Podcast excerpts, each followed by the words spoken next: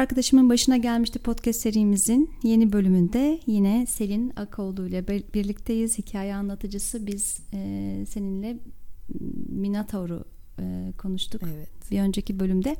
Ama e, mitolojik hikayelerde böyle matruşka gibi bir tanesi bir tanesini doğuruyor. Bir hikaye bir hikaye evet. doğuruyor.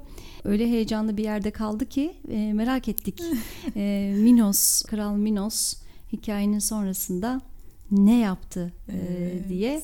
Bugün de biraz e, bunu konuşacağız. Tamamdır. Şimdi e, en son Minos o ip sayesinde Minotaur'un katledilmesi ve herkesin kurtulmasından hiç hoşnut değildir. Bu ip fikri nereden doğdu, kim verdi, Ariadne bunu nereden buldu diye araştırır, soruşturur. Tabii ki çok da araştırmasına gerek yoktur. Çünkü ülkede zeki olan, e, bu tip icatları yapan kişi bellidir. Bundan bahsetmiştik. Daedalus. Hı hı. E, ve bunun sorumlusunun Daedalus olduğunu öğrenir. Ama önce biraz Daedalos'tan bahsetmek istiyorum. Onun başına hı hı. ne geldiğini anlatmadan önce. E, bu Daedalus dediğimiz gibi mimar ve mucit. Çok zeki bir e, adam kendisi. Çizimleri vesaire. E, çok yaratıcı. Zaten isminin anlamı da usta işçi demek. Hı hı. Ve aslında biliyorsunuz hikayemiz Girit'te geçiyordu. Daedalus Girit kralı Minos'un adamıydı. Ama aslında Daedalus özünde aslen Atinalı. Hmm. Evet. bu Atina ile Girit arasında sürekli bir alışveriş hmm, var. Evet. Atina'da yaşıyor Daedalus. Atina kralının e, adamı aslında. E, ve orada mutlu mesut yaşıyor. Yalnız onun da başına şöyle bir şey geliyor. Atina'da atölyesinde e, yeğeniyle birlikte çalışıyorlar. Yeğenin ismi Talos. Ve Talos çok yetenekli bir genç. O kadar yetenekli ki neredeyse Daedalos'u bile gölgede bırakacak kadar yetenekli ve çok çalışkan. Hatta bir gün artık son noktayı koyan e, olay o oluyor. Talos ölü bir yılanın dişlerini kullanarak testereyi icat ediyor. Ama çok güzelmiş. Evet çok güzel. Ama Daedalus tabii ki e, gözü dönüyor, çıldırıyor. Benden daha yetenekli nasıl olabilir böyle bir şey diye. Daedalus hep kulede çalışıyor bu arada. Kendi öz yeğenini onu geçmesin diye kuleden aşağıya atıp öldürüyor. evet. Ve bu cinayet ortaya çıkıyor. Ortaya çıkınca da Daedalus hayatını kurtarmak için Atina'dan kaçıyor. Bilin bakalım nereye sığınıyor? Rakip memlekete. Girit'e. Evet. Girit kralı Minos'a sığınıyor. Ve 10 günden sonra Minos'un Minos için çalışıyor. Minos'un sarayının e, mimarı oluyor. Ancak e, işte Daidalus'un da gölgesi varmış. Evet Daidalus'un ne kadar e, hırslı bir gölgesi evet, varmış. Çok hırslıymış. E, hiçbir şey sebepsiz olmuyor gördüğümüz gibi. Sonra işte bu Minotaur için labirenti yaptı. Bir önceki bölümde anlattık. Sonra da Ariadne'ye çözümü verdi. ip konusunu söyledi. Minos da bu ipin öğrenince, Daidalus'un başının altından çıktığını öğrenince Daidalus'u ceza olarak oğlu Ikarus'la birlikte yine bir kuleye kapatıyor. Artık kulede yaşıyorlar. Hiç dışarı çıkamıyorlar. E ama tabii ki Daedalus bir mucit olduğu için oradan çıkmanın yolunu arıyor. Düşünüyor, taşınıyor. Ne yapsam, ne etsem. Pencereden bakıyorlar. Kule olduğu için etrafında bir sürü kuş var. Daedalus hem kuşları yakından gözlemleme fırsatı buluyor. Hem de e, kuşların onlara bıraktığı tüyleri gözlemleme fırsatı oluyor.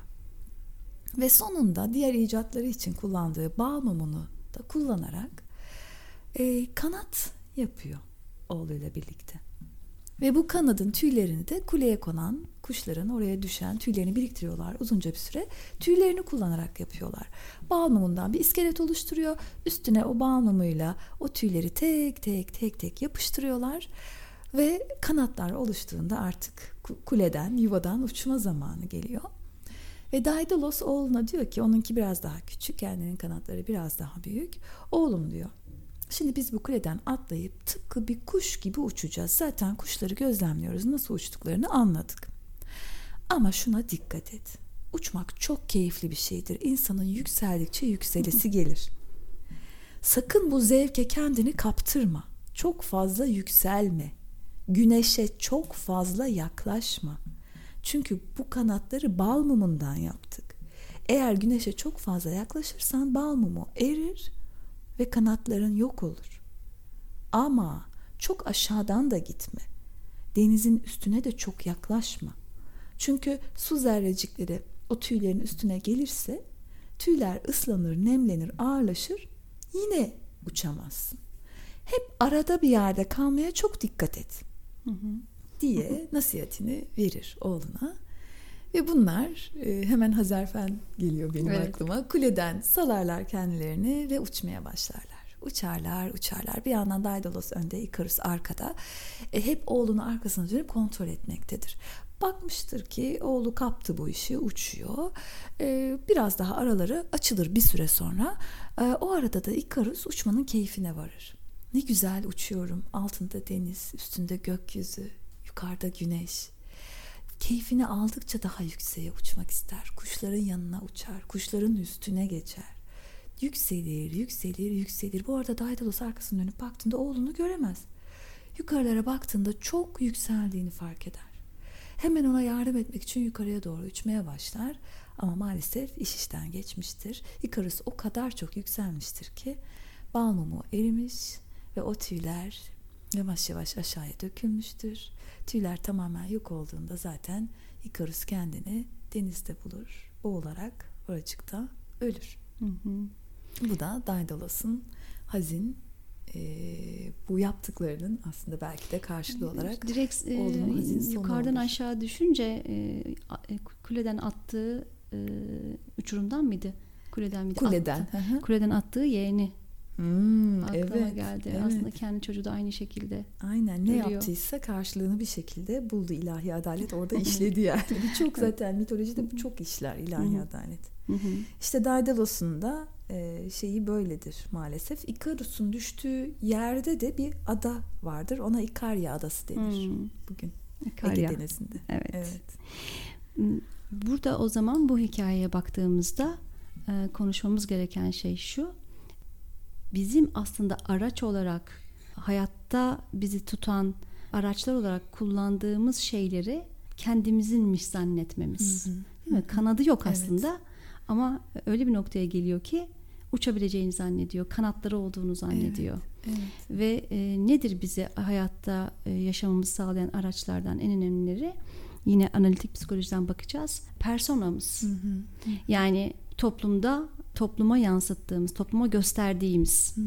mesleklerimiz, rollerimiz, işte anneliğimiz, eş olmamız, işte Hı-hı. öğretmen olmamız, Hı-hı. e, psikolog olmamız, Hı-hı. hikaye anlatıcısı evet. olmamız. Yani bunların aslında her biri birer persona. Persona ve bu personaların sembolik olarak da e, giysi olarak görebiliriz bu personaları. Tamamen giysi. Evet giysidir. Burada da kanat bir kanat. aksesuar aslında. Aynen öyle. Yani bu bir bariz bir kuş personası. Kuş gibi evet. uçacak aslında. Çünkü bu kötü bir şey değildir. Çünkü toplumda herkes e, kimin ne olduğunu bilmek ister. Evet. Toplumsal hayat böyledir. Ondan ne bekleneceğini bilmek ister. Onun da topluma ne vereceğini bilmesi için de bu personalar önemlidir. Evet. Ne zaman sıkıntı olur? Personayı kendimiz zannettiğimizde. Evet. Yani her yerde e, mesleğimize göre davranmak. Arkadaşlarımızın yanında bile, çocuklarımızın Hı-hı. yanında bile Hı-hı. ya da e, o kaptırmak, o role kendini kaptırmak, Hı-hı. o rolün dışında var olamayacakmış gibi davranmak. Evet, evet. Bunun yanında bir de şey de sağlıksız e, personalarımız ve bir de egomuz var Hı-hı. ya persona ile benlik ego ne kadar birbirinden uzaklaşırsa o da bir sıkıntı. Evet. Ayrıca personalarımız birden fazla personamız evet. var. Anneyim, eşim, öğrenciyim, öğretmenim. Personalarımız da birbirinden ne kadar uzaksa o da sağlıksız. Evet. Bu da bizim kendimizden ne kadar uzak olduğumuzu gösteriyor. Aynen. O yüzden hani şey denir ya e, insanlar için ya o evde böyle dışarıda tamamen farklı. Evet tabii ki evde farklı ve dışarıda farklı olacağız. Çünkü sosyal hayatta, kamusal alanda bir personaya ihtiyacımız var. Ama bunlar birbirinden çok, çok uzaksa orada da yine e, benlik evet. algısıyla ilgili, güçlü evet. egoya sahip olamamakla ilgili bir şeyler e, olabilir. Ya da tam tersi egonun şişmesine. Aynen. Şimdi persona ile ne kadar özdeşleşirsek, e, yani bir kimse oynamakta olduğu role ne kadar kendini kaptırırsa ego bu rolle özdeşleşmeye başlıyor. Ego kendini bu rolden ibaret zannetmeye başlıyor ve bir süre sonra da burada o şişme dediğimiz şey olmaya başlıyor. Çünkü kişiliğin diğer yanları devre dışı bırakılıyor ve bütün yatırımı, bütün psikik enerjiyi bu sefer bu personaya yapmaya başlıyoruz. Hani o örneği çok veriyorum ben. Otobüs bileti rezervasyonunda bile ben doktor bilmem kim diye arayan insanlar gibi Evet, yani evet, biletle evet. değişmeyecek senin biletin ama Evet, e, evet. bunu söyleme ihtiyaç çünkü ego sadece bundan ibaret zannediyor Evet, kendisini. evet, evet. Ve aşırı gelişmiş personasıyla kişiliğin o diğer az e, gelişmiş olan yerleri de çatışmaya başlıyor ve bir gerilim olmaya başlıyor. Ve buna işte Jung enflasyon diyor, şişkinlik. Evet.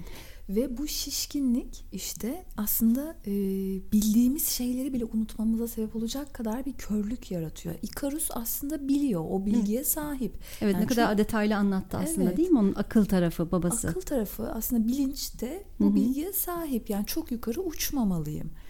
E, ama işte ego şişmesi, ego enflasyonu öyle bir şey ki bildiğini unutursun. Tabii. Sen, beni benden alır yani. Yani o e, kanatların şişmesi. e, bal mumu gibi eriyebilecek bir şeyden yapıldığını bile unutturacak kadar Evet. e, uçtuğunu zannetmek. Kendine aşırı önem verme konusu ve bunu da diyor aslında e, Jung eğer kendimi öyle kaptırırım ki artık rol oynamam. Herkesi de bunu kabul ettiririm. Ben buyum. Yani beni böyle kabul edin. Bu personamdan ibaretim. Ve herkesi de bunu dayatmaya başlar. E, Zaten öyledir ya hani e, egosu şişkin insanlar çok çatışırlar hı hı. aslında sağda solda. Çünkü dayatmacı bir e, tarzı vardır Evet. ve onu o personasını e, sırf içeriden kendi yaptığı bir şeydir bu. Bunu dayattığı için bu böyle ol- olmayı çok istediği için yani kuş olmayı o kadar çok istedi ki Ikarus kendini kuş sandı ve Onların ona kuş gibi dayattı. davranmasını sağlıyor. evet yani kuş gibi. istiyor daha doğrusu. Evet ve kuş gibi ki bunu dayattığı için ısrarcı olduğu için bunda ego Evet. şişti ve patladı yani sonunda. Ve şöyle bir şeye dikkat çekiyor Jung. Enflasyonun kurbanı kendisinden beklenen standartlara göre yaşayamazsa. Çünkü sundu ben buyum dedi. Ben böyle bir insanım dedi. Persona sadece meslekler, rollerde değil bu arada. Tabii. Bazı özellikler de aslında bir nevi gölgenin tam zıttı Evet. olan şey. Evet. Yani e, herkese şunu dayattı. Diyelim ki ben işte çok başarılıyım. Evet. Değil mi? Böyle bir persona çok e, başarılı Çok olma. barışçıl, çok Ee, başarılı. başarılı. Evet bir de mesela çok aslında e, Sevimli. sevimli, hoşgörülü Hı hı. işte. Ama ondan beklendiği standartlarda da yaşayamazsa aşağılık duyguları duyacak. Hmm. Kendi kendini suçlayacaktır. Hı hı. Ve bunun sonucu içinde bulunduğu topluluktan kopmak, yalnızlık ve yabancılık duygularıdır. Evet. Şimdi buna katlanamazsa da eğer işte o zaman kimi çağıracak? Gölgeyi. evet. Tam tersi olan gölgeyi çağıracak. Yani şey çok güzel. Bir öncekinde de Teseus Hı çıkmıştı labirentten ve Hı hı. Ariadne'ye kavuşmuştu. Hı hı, hı. Ne demek aslında sembolik olarak bu? Bir karşıt yönümüzü, bir zıtlığımız, içimizdeki zıt tarafı bulduğumuzda dengeye kavuşuyoruz. İşte o eril dişil dengesi, Dengesi, gibi evet. hikayelerdeki kutsal evlilik denilen şey oluyor. Hı hı. Ee, ve burada da aslında hep masallarda da öyledir ya hani Evet. onlar ermiş muradına. Evet, evet. Aslında içsel bir dengeden bahsediyor. Evet. Personamız ve gölgemizi dengelemek. Evet. Zaten burada da baktığımız zaman Ikarus'a babası dengede gitmesini salık veriyor. Çok güçlü bir şekilde. Yani ne çok yukarıda ne çok aşağıda. Zaten e, şu sahne böyle anlatırken bilmiyorum ya da şu anda gözünüzün önüne geliyor mu? Ikarus gökyüzünde, ortalarda bir yerde. Yukarıda güneş var, bol ışık var, aşağıda deniz var. Şimdi güneş, ışık, gökyüzü bilinçtir. Su, Bilinç deniz, dışı. evet deniz altı bilinç dışıdır. Aslında bizim ne o güneşe bilince çok fazla yaklaşmamız gerekiyor çünkü o aşağıda kocaman bir gölge doğuruyor. Aynı zamanda ekoyu şişiren bir şey. Ne de çok aşağıda bilinç dışının sularında yaşamamak ama ikisinin arasında Ortada bir dengede yerde, bir yerde, kalmak. kalmak. Şeyi dengeli bir yerde tutmak ama Jung aynı zamanda şunu da söyler. Sürekli bir denge yoktur. Hiçbir Yani zaman yoktur. biraz aşağı, biraz yukarı, biraz yani aşağı. muhakkak e, şey gelecektir. gideriz. O dengeyi bozacak bir çatışma muhakkak psişede olacaktır. Olmazsa eğer gelişemeyiz, zaten. Gelişemeyiz. Evet. Ama şunu da fark etmiş Jung. Kendine gelen hastaların çoğunlukla bu şişkin personayla, şişkin egoyla bunun kurbanı olduklarını ve e, bu kimseler aslında diyor çoğunlukla çok kültürlü, elinde böyle çok fırsatları olan belli bir noktaya gelmiş insanlar. Ama bir anda boş ve anlamsız bir hayat e, duygusuyla terapiye geliyorlar ve analizlerinde de yıllarca kendilerini kandırdıklarını fark ediyorlar. Evet. Kendilerini çünkü yani kötüsü o aslında bilmek evet. yine bir şey ama o personaymış gibi zannetmek, kendisini de inandırmak aslında çok tehlikeli evet. bir şey. Evet. Yani kendisini de çok işte az önce tarif ettiğin hoşgörülü, melek, barışçıl öyle zannetmek e, bir süre sonra ama şişik persona krizi patlamadan önce orta yaşa gelmişlerdir diyor ve burada yap, yapılacak çok şey çok belli. E, yaratılışın öteki yanlarının kendilerini belirtebilmesi için personanın havasının indirilmesi gerekiyordu evet. diyor. Aslında Ikarus'un ki biraz indirme ama evet. o tamamen çakılma o yere haline çakıldı. gelmiş. Çünkü mitolojiler çok sert, sert öğretir. Doğru. Yani mitolojilerin e, o, özelliği odur. Sert bir şekilde hayatı öğretir sana. Şunu söylememiz lazım burada mutlaka eklememiz lazım. Bu çok hoşuma gitti. Kişinin psikik sağlığı için bilinçsiz iki yüzlü olunacağına bilinçli iki yüzlü olmak daha iyi gibi görünür. çok güzel. Tıpkı kişinin başkalarını aldatmasının kendini aldatmasından daha hmm. iyi olacağı gibi. Ay, evet.